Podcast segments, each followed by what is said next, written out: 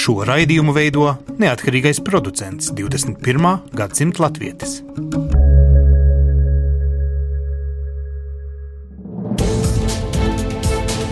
Septiņas dienas Eiropā piedāvā Eiropas radiotīkls Eironet.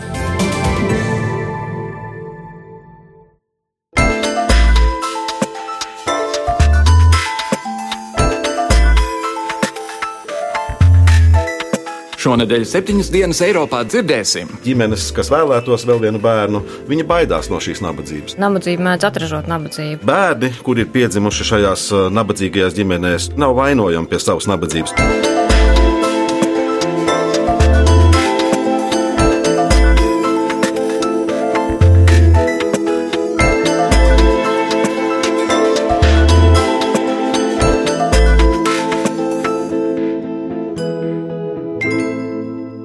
Labdien, godājamie klausītāji, un sveicināti jaunākajā septiņas dienas Eiropā Latvijas radio studijā Kārlis Streips. Eiropa bieži tiek saukta par pasaules bagātāko kontinentu. Lielākā daļa eiropiešu dzīvo tik pārticīgi, ka pusi no saražotās pārtikas vienkārši izmetam miskastē. Pēc Eiropas komisijas datiem šāda izšķērdība gadā mums izmaksā vairāk nekā 140 miljārdus eiro.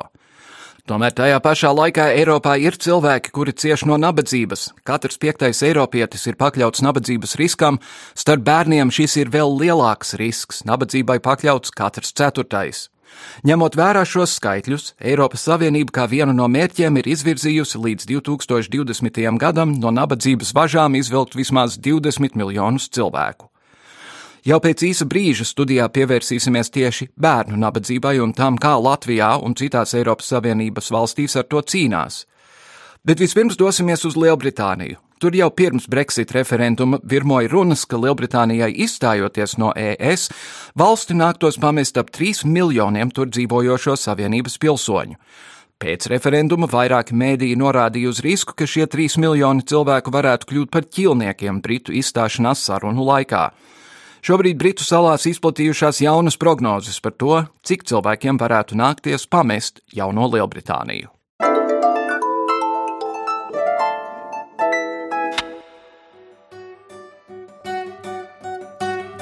Lai arī Lielbritānija šogad vēl nesāks oficiālas sarunas par izstāšanos no Eiropas Savienības, valdības jaunizveidotā Brexit ministrija jau paziņojusi, ka iespējams vairāk nekā pusmiljonam Eiropas pilsoņu valsti būs jāpamet. Par Brexit pārunām atbildīgais ministrs Deivids Deivis atklājas plānu, kas nosaka, ka tikai imigrantiem, kuri Lielbritānijā dzīvojuši vismaz piecus gadus, būtu tiesības palikt valstī. Premjerministra Tereza Meija vēlāk piebilda, ka nav gatava priekšlaicīgi garantēt dalību valstu pilsoņu tiesības dzīvot Lielbritānijā, ja tādas pašas garantijas nav gaidāmas Britu pilsoņiem. Pēc viņas vārdiem referenduma rezultāti liecina, ka Britu vēlētāji nevēlas tik brīvu robežu kontroli savā valstī kā agrāk. Daudzi šādu soli saskata kā mēģinājumu priekšlaicīgi Britu valdībai nodrošināt labāku pozīciju gaidāmajās pārunās. Kontinentālās Eiropas līderi likuši noprast, ka pieeja Eiropas Savienības iekšējiem tirgum ir tieši saistīta ar pārvietošanās brīvību, kuras dēļ daudz britu nobalsoja pret Eiropas Savienību. Kopš referenduma Britu valdība ir uzstājusi uz neformālām sarunām ar pārējām Eiropas Savienības dalību valstīm, tomēr priekšlikums ticis noraidīts, kamēr nav iedarbināts Lisabonas līguma 50. pāns. Joprojām nav skaidrs, kad šāds solis tiks spērts. Referenduma radītie iekšpolitiskie izaicinājumi un jaunizveidotās valdības solījumi rada iespēju, ka izstāšanās process krietni ieilgs. Turklāt daudz uzskata, ka, ja Eiropiešu migrantiem tiktu noteikts šāda veida termiņš, Lielbritāniju sagaidītu sasteigts migrācijas pieaugums. Oficiālo valdības pozīciju skaidro agrākais Lielbritānijas imigrācijas ministrs James Brokenšīrs. Well, the view, the view of the, uh, the government is that uh, we want to protect the rights of those who are here, the EU citizens who are here. Valdības mērķis ir aizsargāt pašreiz Lielbritānijā dzīvojošo Eiropas Savienību pilsoņu tiesības, tajā pašā laikā aizstāvot arī Britu pilsoņus Eiropas Savienībā. Mēs esam pārliecināti, ka esam spējīgi to darīt. Mēs vēlamies rīkoties racionāli saistībā ar šo jautājumu, pārunās par izstāšanos no Eiropas Savienības. Tāpēc esam pārliecināti, ka to ir iespējams panākt, bet mēs uzskatām, ka ir nepieciešams aizstāvēt tiesības abām grupām paralēli. Vēlos izskaidrot, ka runa nav par jebkāda veida kaulēšanos. Tas tiktu darīts, lai no šādas kaulēšanās varētu izvairīties. Vēloties nomierināt jebkādas radušās rūpes, Lielbritānijas valdības mājaslapā esam publicējuši Eiropas Savienības pilsoņu tiesības. Kamēr Lielbritānija atrodas Eiropas Savienībā, šīs tiesības nemainīsies. Tikai pēc aiziešanas jebkādas izmaiņas ir gaidāmas. Es cienu vēlētāju pieņemto lēmumu attiecībā uz to, ka Brexit tiešām nozīmē Brexit, un ir jāstrādā, lai tas stātos spēkā. Tomēr nē, mēs necenšamies spēlēt spēlītas vai kaulēties. Runa ir par to, lai nodrošinātu labākas garantijas gan Eiropas, gan Britu pilsoņiem. It is about getting the best possible arrangements for EU citizens in this country as well as our British citizens abroad. Par spīti polijas valdošās partijas nosaukumam likums un taisnīgums, tās darbības nevienmēr bijušas likumīgas un taisnīgas. Polijas konservatīvās valdības diemžēl sekmīgie mēģinājumi ietekmēt poļu sabiedrisko mediju un konstitucionālo tiesu izsaukuši kritiku gan no Eiropas Savienības, gan arī no Amerikas. NATO samita laikā ASV prezidents Baraks Obama savā uzrunā aicināja Poliju respektēt demokrātijas vērtības. Šeit gan jāpiemina, ka Polijas sabiedriskā televīzija šo uzrunu iztulkoja kā uzslavu, nevis kritiku. Vairāk par Polijā notiekošo un iespējamām sekām klausieties mana kolēģa Jāņa Kropa sižetā.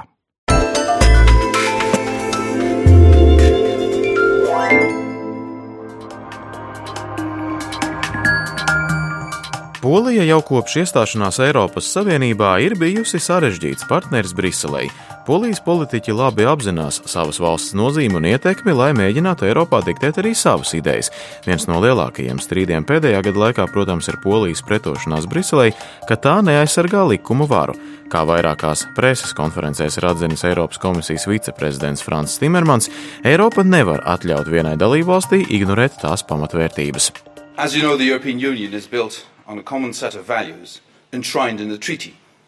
These values Kā mēs visi zinām, Eiropas Savienība ir uzbūvēta uz noteiktām vērtībām, un šīs vērtības ir iekļautas kopējā līgumā. Viena no šīm vērtībām ir cienīt un ievērot likuma varu. Tas ir pamats, uz kā mūsu dalību valstis zina, ka viss, kas notiek Eiropas Savienībā, notiek pēc vienādas likuma izpratnes. Lai saglabātu šo izpratni un lai pasargātu likuma varu, mums ir jārīkojas kolektīvi. Eiropas komisija ir sarksuns, bet jāiesaistās arī pārējām dalībvalstīm. Jau kopš janvāra mēs cenšamies uzturēt aktīvas sarunas, lai atrastu risinājumus, taču šie risinājumi ir jāatrod Polijā, tostarp tās politiskajām partijām. Mēs komisijā varam tikai palīdzēt ar padomu. Offer some advice. Protams, Eiropas komisijas viceprezidents ir diplomāts. Polijas valdošā partija Likums un taisnīgums jau ilgstoši ir kaitinājusi Briseli. Viena problēma ir centieni ierobežot mēdīju darbību, bet otra - veids, kā Polijā ieceļ konstitucionālās tiesas tribunāla tiesnešus. Tieši konstitucionālās tiesas jautājumi apdraud likumu varu Polijā. Sabiedrisko mediju iegrožošana ir veids, kā Polijas valdība domā, kā tā funkcionē. Kā vēl pavasarī, kad masveida izmaiņas un atlaišanas piedzīvoja polijas sabiedrisko mediju darbinieki, teica žurnālists Jaceks Žakovskis, polijas valdošā partija ir kaut kāds Krievijas domāšanas adepts. Īs fragments no tā, ko žurnālists Jaceks Žakovskis teica Latvijas televīzijas kolēģiem. Domāju, ka likums un taisnīgums šeit grib nodibināt neliberālo demokrātiju, kas nekalpo sabiedrībai. Tā plašsaziņas līdzekļu misiju saprot, piemēram, kā Krievijā. Likums un taisnīgums uzskata, ka medijiem būtu jāskaidro sabiedrībai, ko dara valdība un kādas ir tās idejas. Vēl viens redzams šādas neliberālās demokrātijas piekritējs ir Ungārijas premjerministrs Viktors Orbāns. Viņš allaži ir uzsvērs, ka kārtību nodrošināt var tie, kas spējīgi pieņemt nepopulārus lēmumus. Piemēram, savā uzrunā Budapeštā viņš uzsvēra, ka Ungārija ir gatava iet savu neatkarīgu ceļu. Magyarország, a magyar emberek Šobrīd Ungārija un Ungārijas tauta ir apliecinājums kārtībai ārkārtīgi nemierīgā laikā Eiropai. Daudzu Eiropas valstu līderi nespēja vai negrib uzņemties atbildību cīņā pret iemesliem, kas degradē kārtības izjūtu Eiropā. Milzīgā imigrantu plūsma grauj izpratni par likumu varu un kārtību Eiropā. Rezultāts ir sabiedrības šoks, jo tiek degradēta izpratne par to, ko nodrošina likums un kārtība. Mēs kā valsts iesim savu neatkarīgu ceļu, lai domātu vispirms par drošību. Mi éppen az ellenkező irányba indultunk el. Lai piebremzētu Polijas valdības trauksmēno darbību ap konstitucionālajām tiesām, Eiropas komisija ir nospraudusi ultimātu. Polijas valdībai ir doti trīs mēneši laika, lai novērstu apdraudējumu, kas rodas likuma varai caur augstāko tiesu instanci valstī. Gan drīz pirms nedēļas Polijas prezidents Andrzejs Duda izsludināja grozījumus šajā likumā, bet iekļāva normu, kas it kā varētu mazināt Briseles nepatiku. Jaunās izmaiņas paredz, ka turpmāk konstitucionālās tiesas tiesnešu tribunāls varēs pieņemt lēmumus nevis ar vienkāršo vairākumu, vairākumu, bet vismaz ar divām trešdaļām balsu. Tāpat tiesnešiem būs pienākums izskatīt lietas nevis pēc to nozīmīguma, bet gan pēc lietu iesniegšanas kārtības. Pilnā tiesnešu sastāvā tiesai būs jāizskata tikai veto prezidenta likumiem, likumam par tribunāliem, kā arī politisko partiju darbības atbilstību konstitūcijai. Savukārt citu likumu atbilstību konstitūcijai tribunāls varēs izskatīt pat tikai piecu tiesnešu sastāvā. Sarežģītākās lietas skatīs 11 tiesneši, bet polijas opozīcija tikmēr brīdī brīdina, arī šādā redakcijā tiesnešiem vienalga būs pārāk grūti ietekmēt ļoti svarīgu jautājumu izskatīšanu. Nevelti pat Polijas konstitucionālās tiesas priekšsēdētājs ir aicinājis valsts prezidentu šos grozījumus tomēr neizsludināt. Savukārt no Eiropas komisijas puses pastāv iespēja ierosināt arī Lisabonas līguma 7. paragrāfa darbību. Tas varētu liekt Polijai tiesības balsot Eiropas padomē, lai paragrāfu ierosinātu, nepieciešams vismaz 22 Eiropas dalību valstu atbalsts un arī Eiropas parlamenta piekrišana. Vēl izskan, ka Polijai varētu apturēt arī struktūra fondu maksājumus, bet, lai tik tālu neaizietu, Eiropas komisijas pārstāvi aicina dalību valstu līderus neformālās sarunās diskutēt ar Polijas valdību.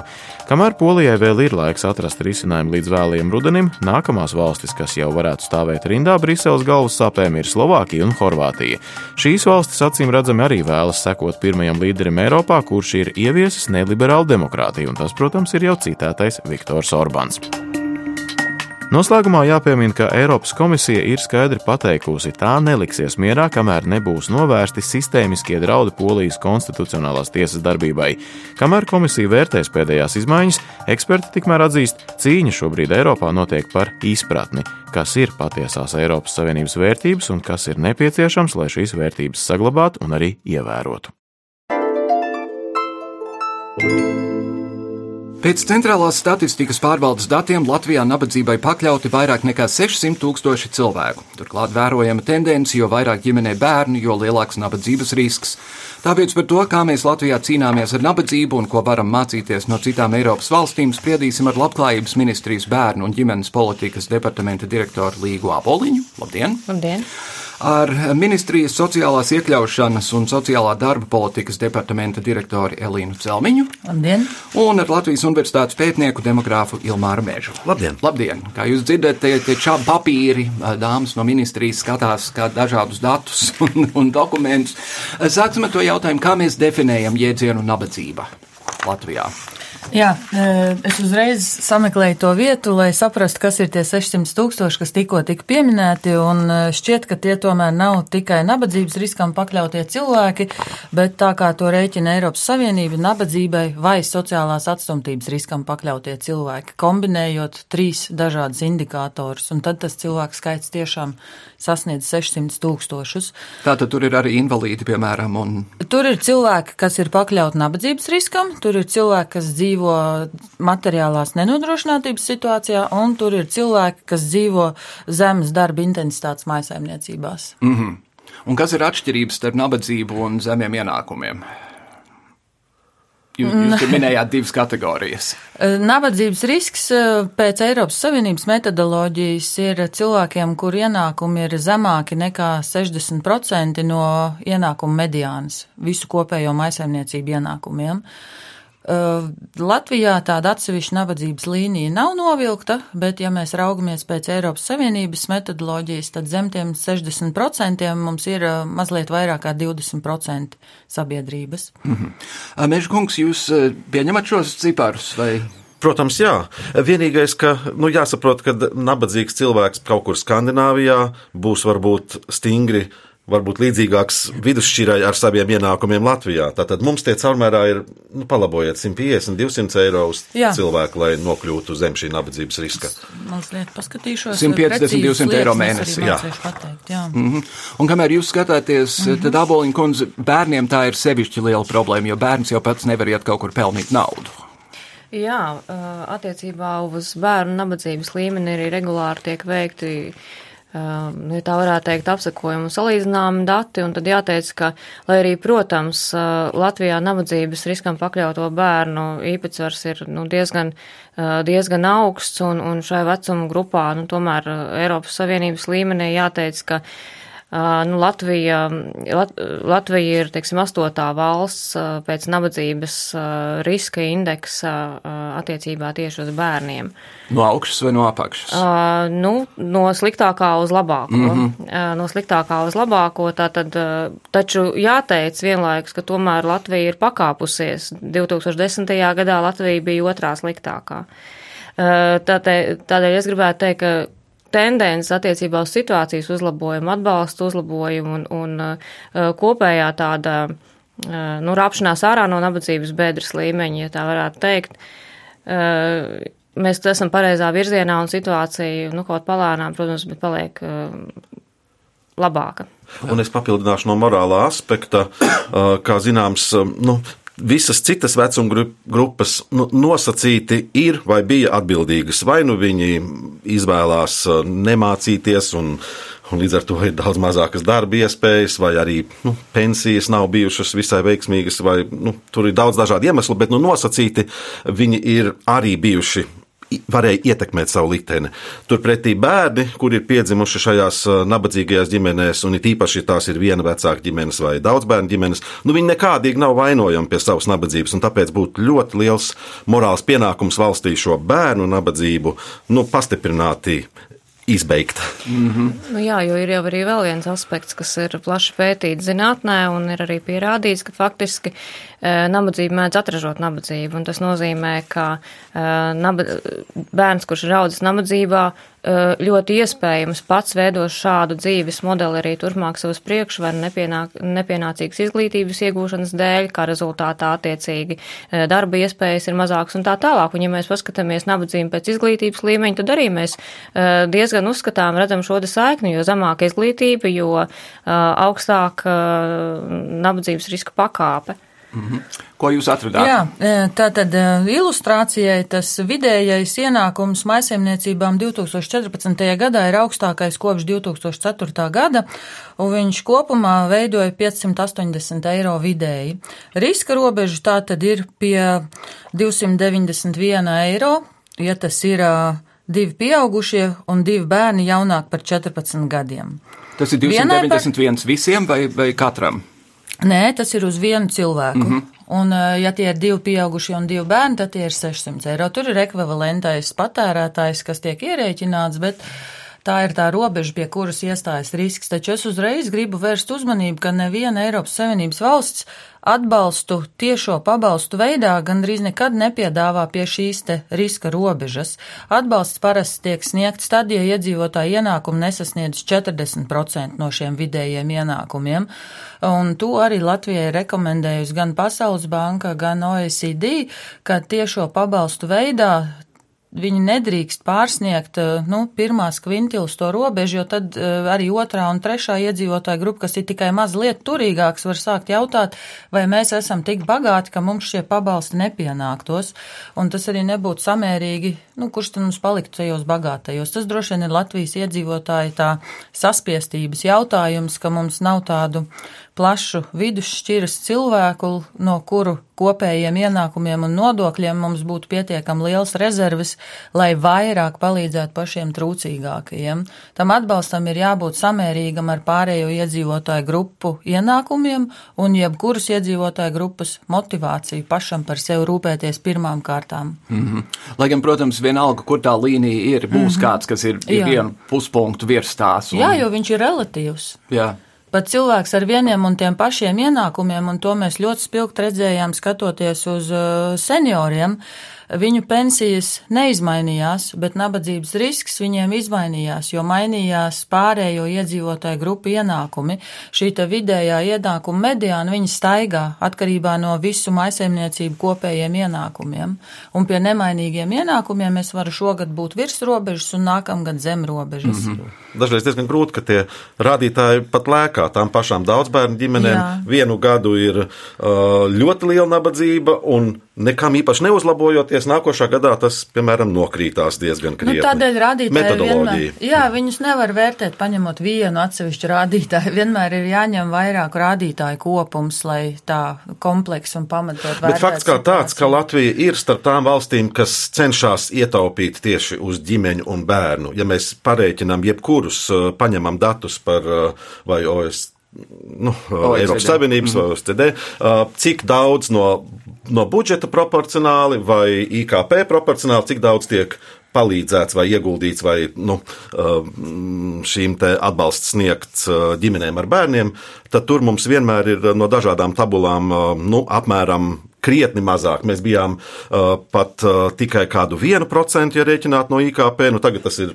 varbūt sasniedz pusotru, bet joprojām tas atpaliek uh, pat kaimiņus Igaunijā vai, vai Eiropas Savienībā vidēji. Tas tomēr ir daudz uh, dāsnāks. Tā kā mums ir jāapzinās, ka mēs šī nozarē nu, cenšamies taupīt, un manuprāt, tas ir tāda bumba ar laika degli, nu cik mm -hmm. ilgi.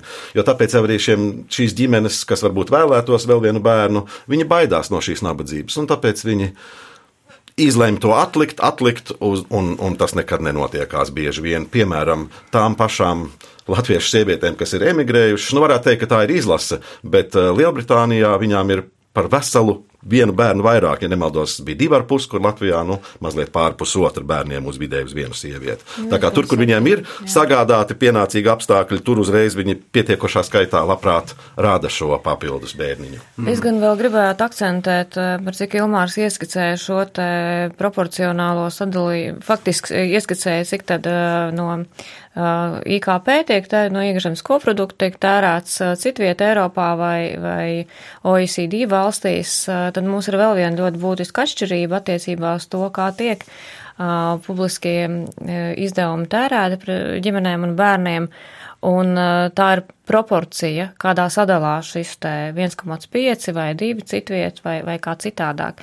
Tad Latvijā savukārt ir vislielākā, viena no lielākajām proporcijām um, tieši um, pabalstu veidā, kur citviet valstis uh, diezgan proporcionāli sadala trīs šīs te galvenās komponentes, kādā veidojās valsts izdevumi. Tas ir pabalsti, pakalpojumu un nodokļu atvieglojumu. Un mm. Latvijai, eh, protams, ņemot vērā arī mūsu 25 gadus eh, veco vēsturi kopš eh, neatkarības atgūšanas, vēl, protams, ir saglabājušies iepriekšējo laika elementi, kā ļoti daudz tiek tieši tiešo maksājumu veidā, veidā nodrošināts. Un proti, ja mēs skatītos pēc centrālās statistikas pārvaldes datiem, tad tas ir tūp pie 1%. Pirms krīzes periodā tas bija 1% krīzes periodā samazinājās uz 0,8 un šķiet tagad ir atgriezies augstāk 0,9 proporcionāli no iekšzemes koprodukta tiek tērēts tieši tiešo pabalstu veidā kur savukārt arī OECD redzējums un, un arī mēs redzam savā realitātē, ka pakalpojumu sfēras attīstība mums diemžēl mazliet ieklabo. Uh, Un šeit gribētos teikt, ka arī, teiksim, bērndārs pieejamība, kas ir diezgan nozīmīgs faktors, lai sekmētu vecāku iesaistīšanos darba tirgu, ir tas, kas nav pietiekami labā līmenī, tā kā tas būtu nepieciešams, un, un, un šis arī ir, ir jā, un, un nodokļu atvieglojumi, dažādi veidi nodokļi ir vēl viens faktors, kas veido šīs te atbalsta komponentes, kuras mums, es domāju, nu, nākotnē noteikti vajadzētu attīstīt vairāk nekā tas līdz šim ir darīts. Es īpaši gribu uzsvērt tieši šo bērnu dārza deficītu, tātad joprojām ir tūkstošiem bērnu, kas stāv rindā un parasti ne tikai gadu vai divus, bet trīs un četrus. Trīs un līdz četri gadi ir Rīgā norma pēc cik jāstāv uz pašvaldības bērnu dārzu.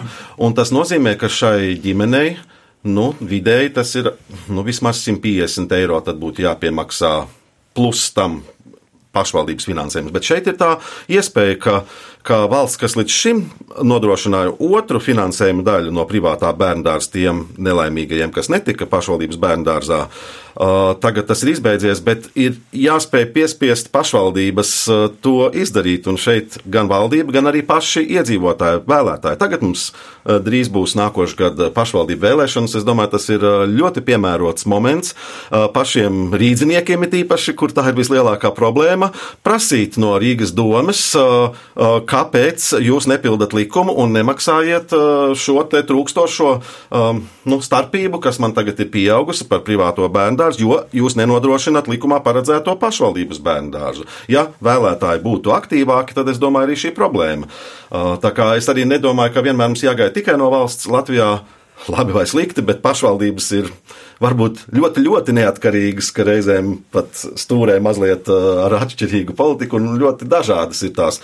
Ir, uh, un, un šeit tomēr ir visas pašvaldības, nu, mēs varam teikt, līdzīgas, un ir ļoti daudzas arī nabadzīgās, kas to ir spējušas šos pakalpojumus bērnu dārzos nodrošināt ar, ar saviem līdzekļiem. Un ir dažas visbagātākās, Rīga pirmām kārtām, kas to nekādi nespēja. Un pēc iepriekšējā gada mēs zinām, ka šogad uh, Rīgas budžetā vien ir 40 miljoni eiro klāt vairāk nekā bija iepriekšējā gadā. Un tagad, ja kāds domas uh, amatpersona, kāds mēģina demagoģiski teikt, ka viņiem nav naudas, ja 40 miljoni ienāca, bet viņiem nav daži miljoni, kā nodrošināt šo likuma izpildi savā pašvaldībā. Nu, tas ir vienkārši nožēlojami. Tā kā turpināsim palielināt spiedienu un es, esam aktīvāki pret Rīgas domu, lai panāktu likuma izpildi un izdarīt, lai viņi nodrošina to, kas viņiem jāizdara. Jā. Tas būs nākamā gada pavasarī. Mēs, mēs iesim un jautāsim šīs lietas.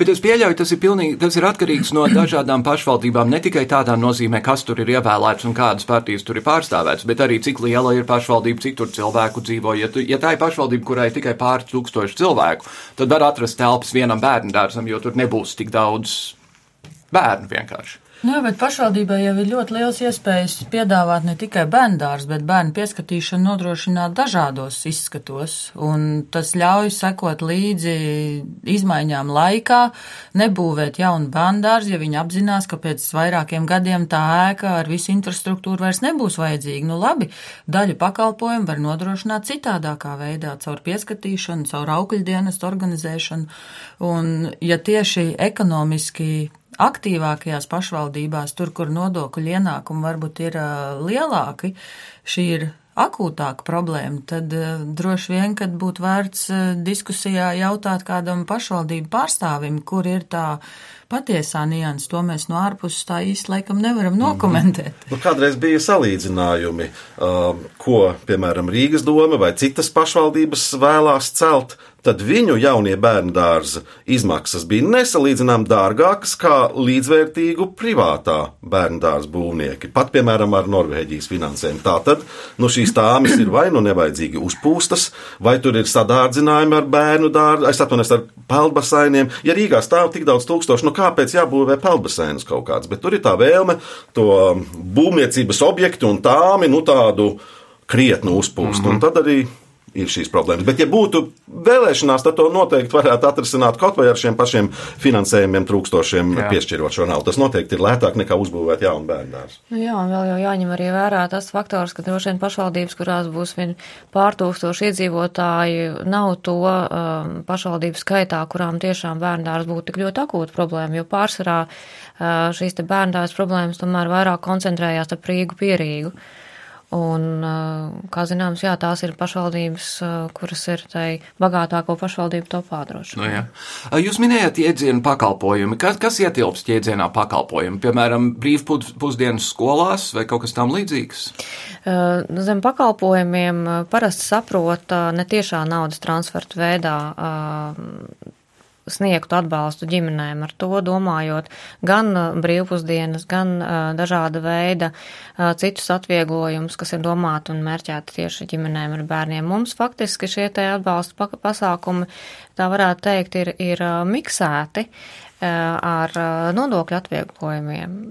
Viens no tādiem Eh, nu jā, līdz ar to, eh, salīdzinot arī mm, OECD statistikas rādītājos, mums tā īsti netiek izšķirts šī te nodokļu politika, jo nodokļu politika koncentrējās pārsvarā tikai ap uh, iedzīvotāju neapliekamo nodokli, nodokļu atvieglojumiem par apgādājumām personām un varbūt transporta līdzekļa uh, eksploatācijas nodokļu atvieglojumiem, teiksim, noteiktām iedzīvotāju kategorijām, ja par ģimenēm runājam, tad daudz bērnu ģimenēm. Uh, Un nu, vēl daži atsevišķi, teiksim, attiecībā uz nekustamā īpašuma nodokli un tam līdzīgi. Tad tas savukārt ir vērsts nu, arī ne tikai valsts, bet pašvaldības kontekstā par dažādiem atvieglojumiem pulciņu apmeklēšanai, piemēram, vai, kā nesen izskanēja, piemērs arī aizkrauklas pašvaldībā ir iespējams ģimenēm, kurās ir trīs un vairāk bērni, bez maksas sūtīt bērnus mūzikas skolā, tātad mm. to apmaksā pašvaldība.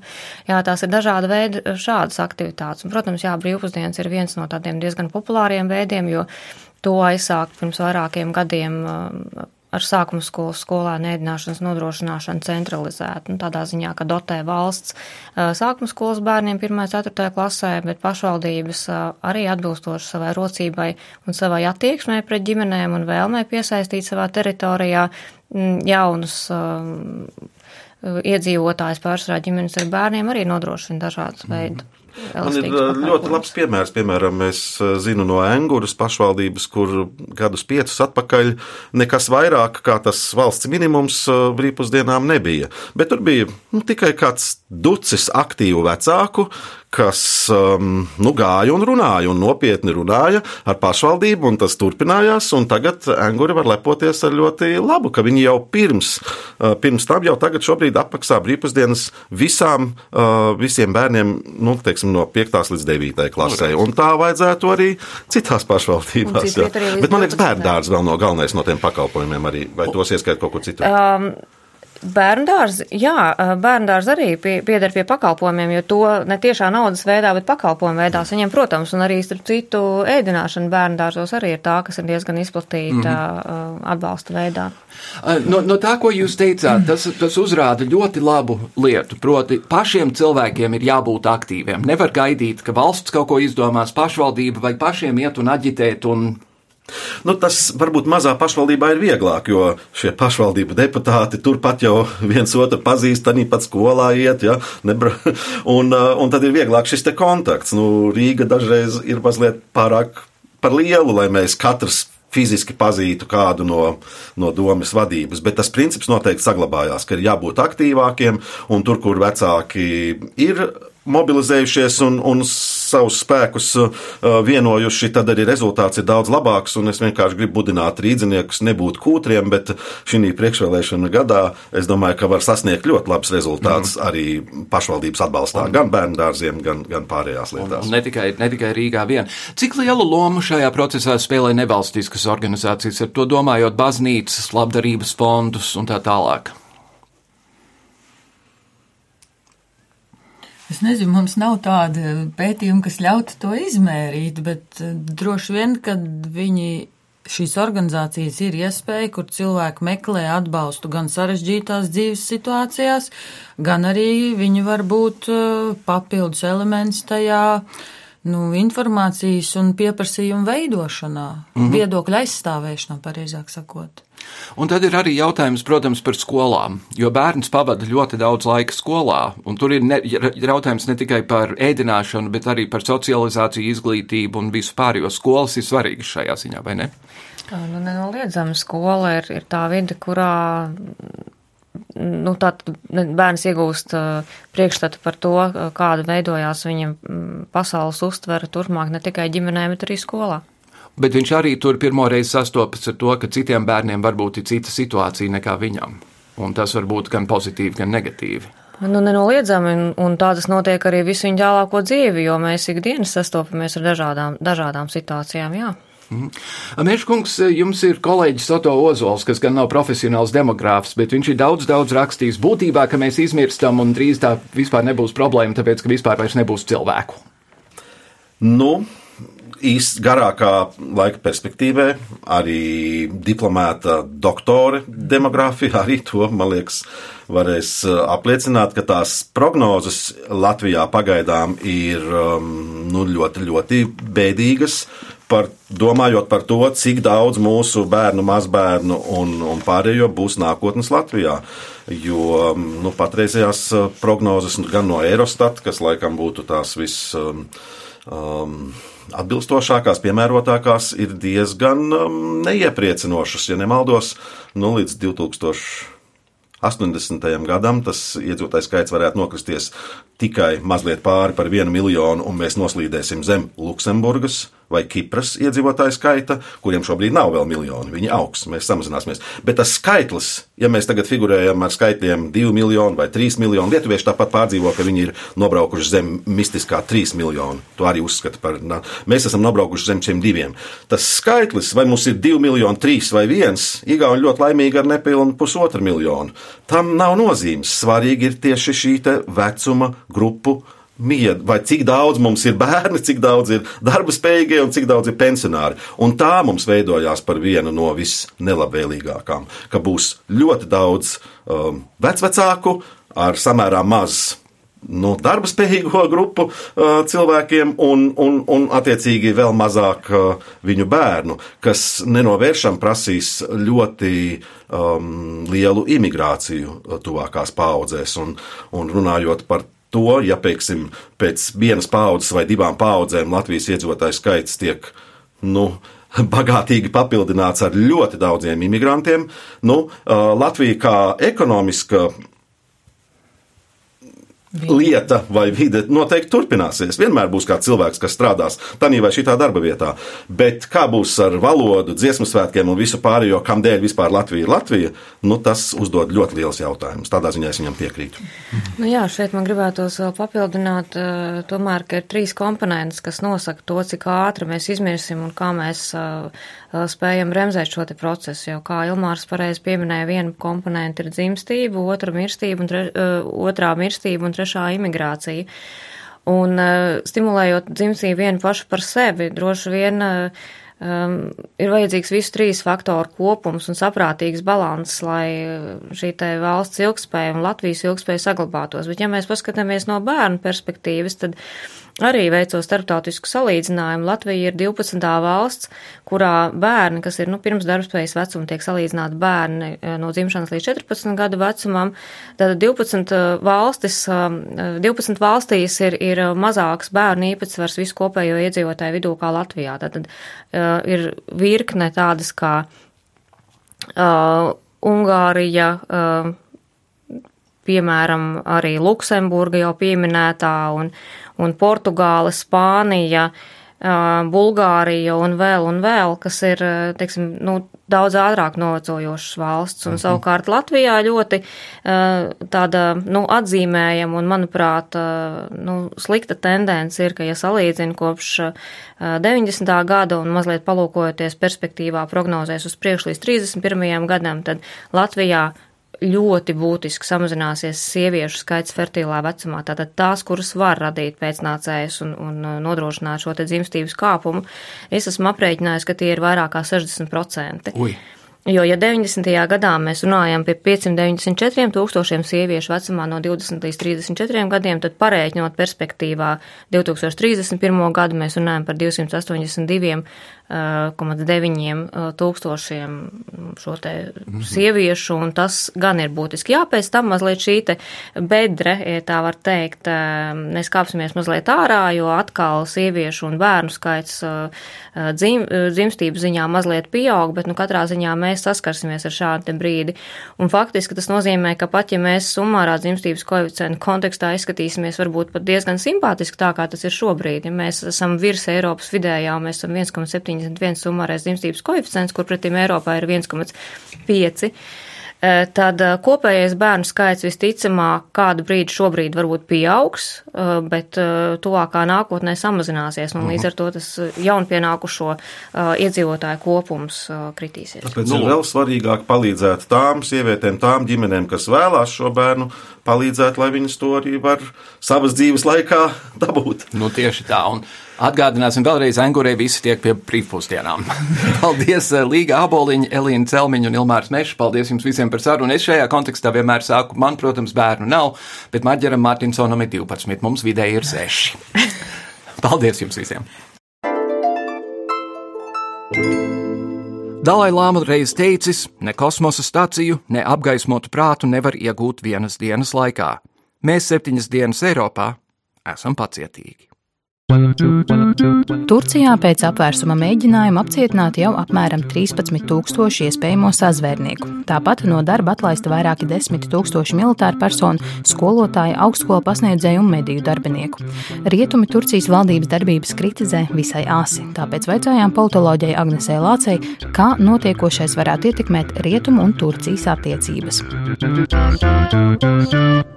Šobrīd eh, situācija ir eh, ļoti interesanta tādēļ, ka sākotnējās reakcijas uz Turcijā notiekošo militāro apvērsumu, protams, bija nosodījums, bet pēc tam diezgan drīz uh, sekoja nosodījums arī attiecībā uz paša Erdogana darba metodēm un to, kā viņš rīkojas, lai, teiksim, mazinātu šī apvērsuma ietekmi vai lai sodītu tos, kurus viņš uzskata par vainīgiem un uh, gan Eiropas Savienība, gan ASV uh, ir uzsvērušas, ka uh, viņas sagaida demokrātisku šīs situācijas risinājumu.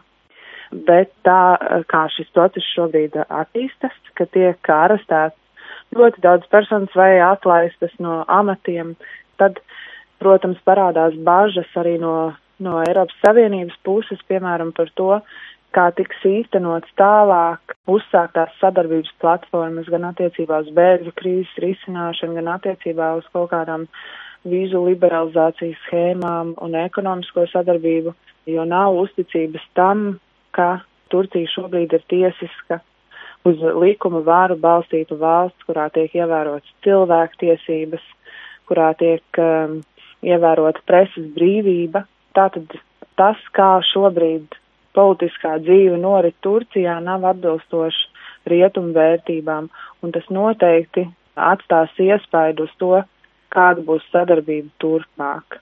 Vai tāpēc Turcija izstāsies no NATO, to es nevaru spriest, drīzāk domāju, ka tā nenotiks, vai tas palēninās Turcijas ceļu Eiropas Savienības virzienā pavisam noteikti, un tas tāpat jau bija ļoti lēns. Vai tas ietekmēs Eiropas Savienības līgumu ar Turciju attiecībā uz bēgļu krīzes regulēšanu pavisam noteikti. Kā tas notiks, es nezinu, vai tas būs šīs vienošanās pārtraukšana, vai tas būs finansējuma aizkavējums līdz uh, situācijas normalizācijai iespējams.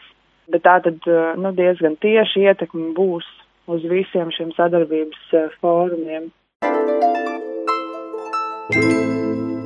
Ar to arī skan šīs nedēļas septiņas dienas Eiropā. Paldies, dāmas un kungi, ka klausījāties. Jaunedēļ atgriezīsimies šajā pašā laikā. Pagaidām Kārlis Streips jums saka visu labu!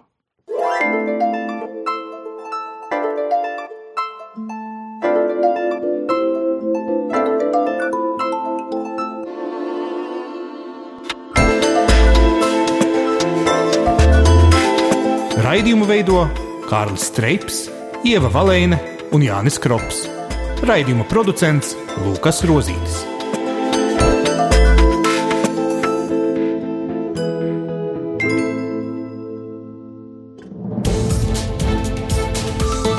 Visus Eironet plus sižetus un raidījumus meklējiet Latvijas radio mājaslapā.